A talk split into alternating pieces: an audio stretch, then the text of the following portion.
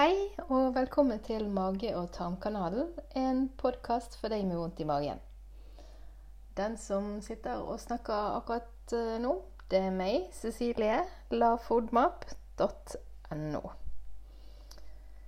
Ah, I Bergen er det så sinnssykt varmt for tiden. Eh, Uansett hvor jeg går, hvor jeg er, så renner jeg vekk. Det eneste stedet som det er litt OK å være for tiden, det er faktisk i bilen. Så um, i går kveld så vurderte jeg litt å ta en liten biltur bare for å kjøle meg ned litt. Jeg gjorde det ikke, altså. Men det som uh, jeg ofte hører av uh, veldig mange, det er at uh, de blir dårligere i magen i varmen. Um, det er vanskelig å vite hvorfor, for um, det er tydelig at dette gjelder en del, siden jeg hører så mange sier det. Sier det. Og jeg har vel også av og til merket det selv. Um, jeg tror det kanskje har naturlige forklaringer. Eh, blant annet at man eh, kanskje glemmer å spise i varmen. I hvert fall så eh, mister jeg litt eh, matlysten når det er så varmt. Da vil jeg bare drikke. Og det jeg vil drikke, det er iskald drikke. Så både det at man glemmer å spise, gjør at man eh, kanskje kan bli litt mer rar i magen. Men når man da også, eller i tillegg, eller kun bare drikker iskald drikke, så kan eh, den iskalde drikken faktisk eh, kanskje gjøre at man eh, kan få litt mageknip. Fordi at man er varm, og man fyller på med iskald drikke, og det kan fort bli litt magekniper. Um, I tillegg så kan det jo hende at man glemmer å drikke, og at man får et væsketap fordi at man uh, ikke drikker så mye som man burde. Og da kan uh, man også få vondt i magen, tror jeg. Mange de uh, griller kanskje, og jeg har hørt noen som sier at de får vondt i magen av grillmat. Jeg er litt usikker på om det er selve grillmaten i seg selv som gjør det, eller om det er altså det at man har grillet maten, eller om det kan være at kjøttet eller maten man har grillet, kan inneholde Altså marinaden kan inneholde løk eller hvitløk. Eller at det er det at man um, kanskje spiser litt fetere mat. Man er kanskje ikke vant til å spise spise type grillribbe og sånne ting. At det kan gjøre at man får vondt i magen. En annen årsak kan, med grillingen kan være at man eh, kanskje spiser mer enn man pleier å spise. Fordi at det er så godt, og man koser seg, og plutselig så har man spist for mye. Eh, jeg har i hvert fall gått i den fellen noen ganger. Man spiser gjerne mer eh, salat til maten, og salat i seg selv og grønnsaker som er lav FODMAP, er jo lav FODMAP. Men um, spiser man veldig mye salat, kan det også bli veldig mye fiber. Så magen må jobbe litt ekstra og mer. Og eh, det kan kanskje gjøre at man får mer magetrøbbel. I varmen er det også mange som kanskje spiser mer frukt enn normalt. Man spiser eh, Kanskje noen til og med har gjort den brølende at de har spist vannmelon, som inneholder to eller tre FODMAP på en gang. Så vannmelon, det er en eh, Man skulle jo tro vannmelon var en uh, grei sak. Det er jo bare vann, tenker vi. Men den er også en uh, FODMAP-bombe. Så styr unna vannmelonen. Men uh, honningmelon er faktisk uh, lav FODMAP.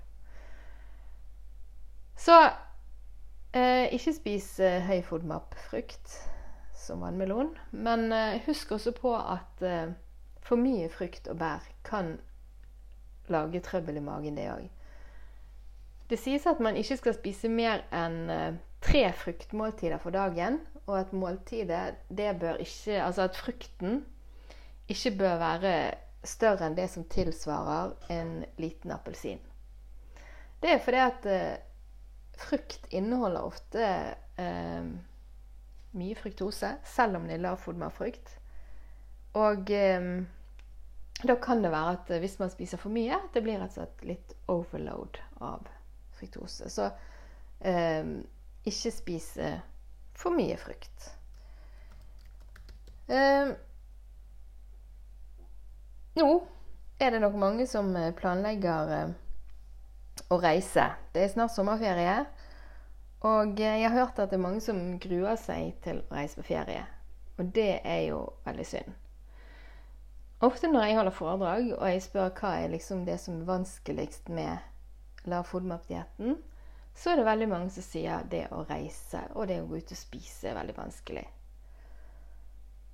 Det var en av grunnene til at jeg fant ut jeg måtte skrive en reisebok. For jeg har jo reist ganske mye selv på den dietten, selv om jeg har fulgt dietten. Og eh, når jeg er ute og reiser Vanligvis så holder ikke jeg en sånn superlav FODMAP-kost. Eh, jeg vil si at jeg går mer på en FODMAP-redusert kosthold.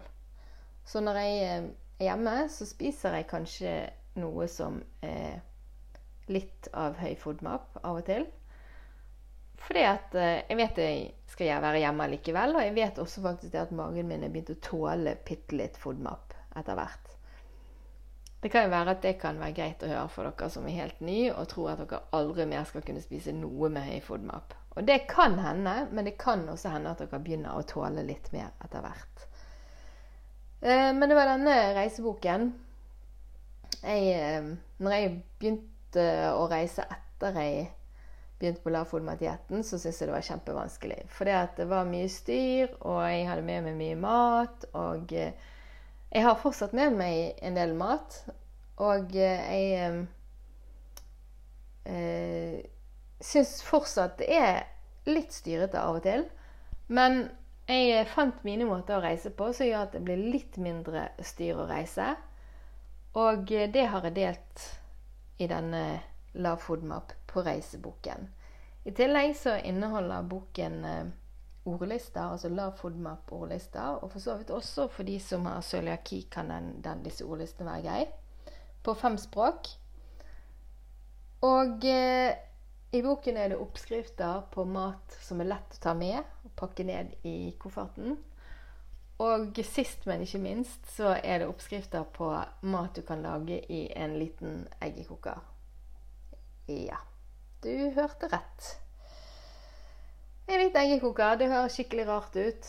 Men um, for meg var det løsningen på å ikke måtte ta med kjempemye mat.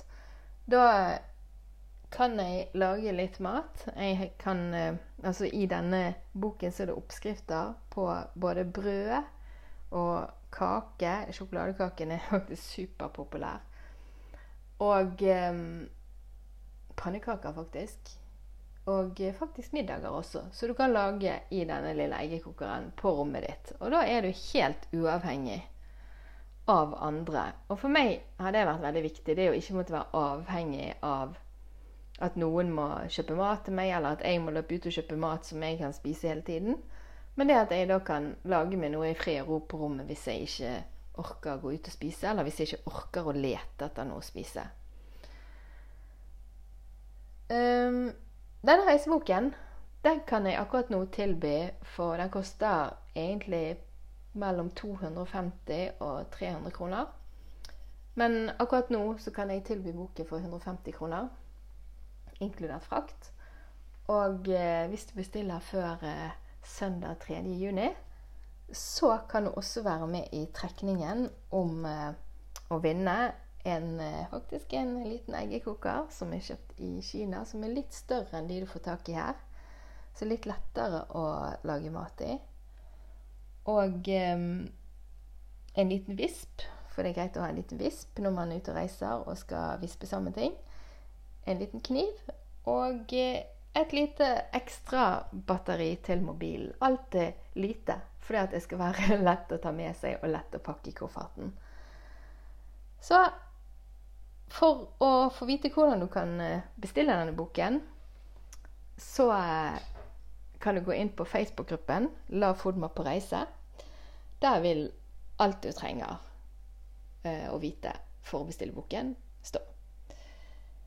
Husk også at du finner meg på andre sosiale medier. På Facebook, der er jeg bare lavfodmap. På Instagram er det lavfodmap og så en sånn understrek no. Altså ikke en bindestrek, men en sånn underscore-strek. No. Og på bloggen finner dere meg selvfølgelig på www.lafodmap.no. Nå er det sinnssykt varmt. Har jeg sagt det noen ganger nå? Og Da er det mye styr å lage mat. Egentlig så vil jeg bare ligge i et kaldt rom, hvis jeg hadde funnet et kaldt rom. Men um, det blir ikke sånn supermye matlaging og mye blogging. Men uh, på, på, Instagram så deler jeg litt bilder og eh, litt Insta-stories. Der har jeg også fortsatt denne her uh, Is it low food map på Insta-stories, der du kan gjette om noe er høy eller lav FODMAP. Så håper jeg vi sees om ikke så altfor lenge her på, her på podkasten. Så får du ha det bra så lenge.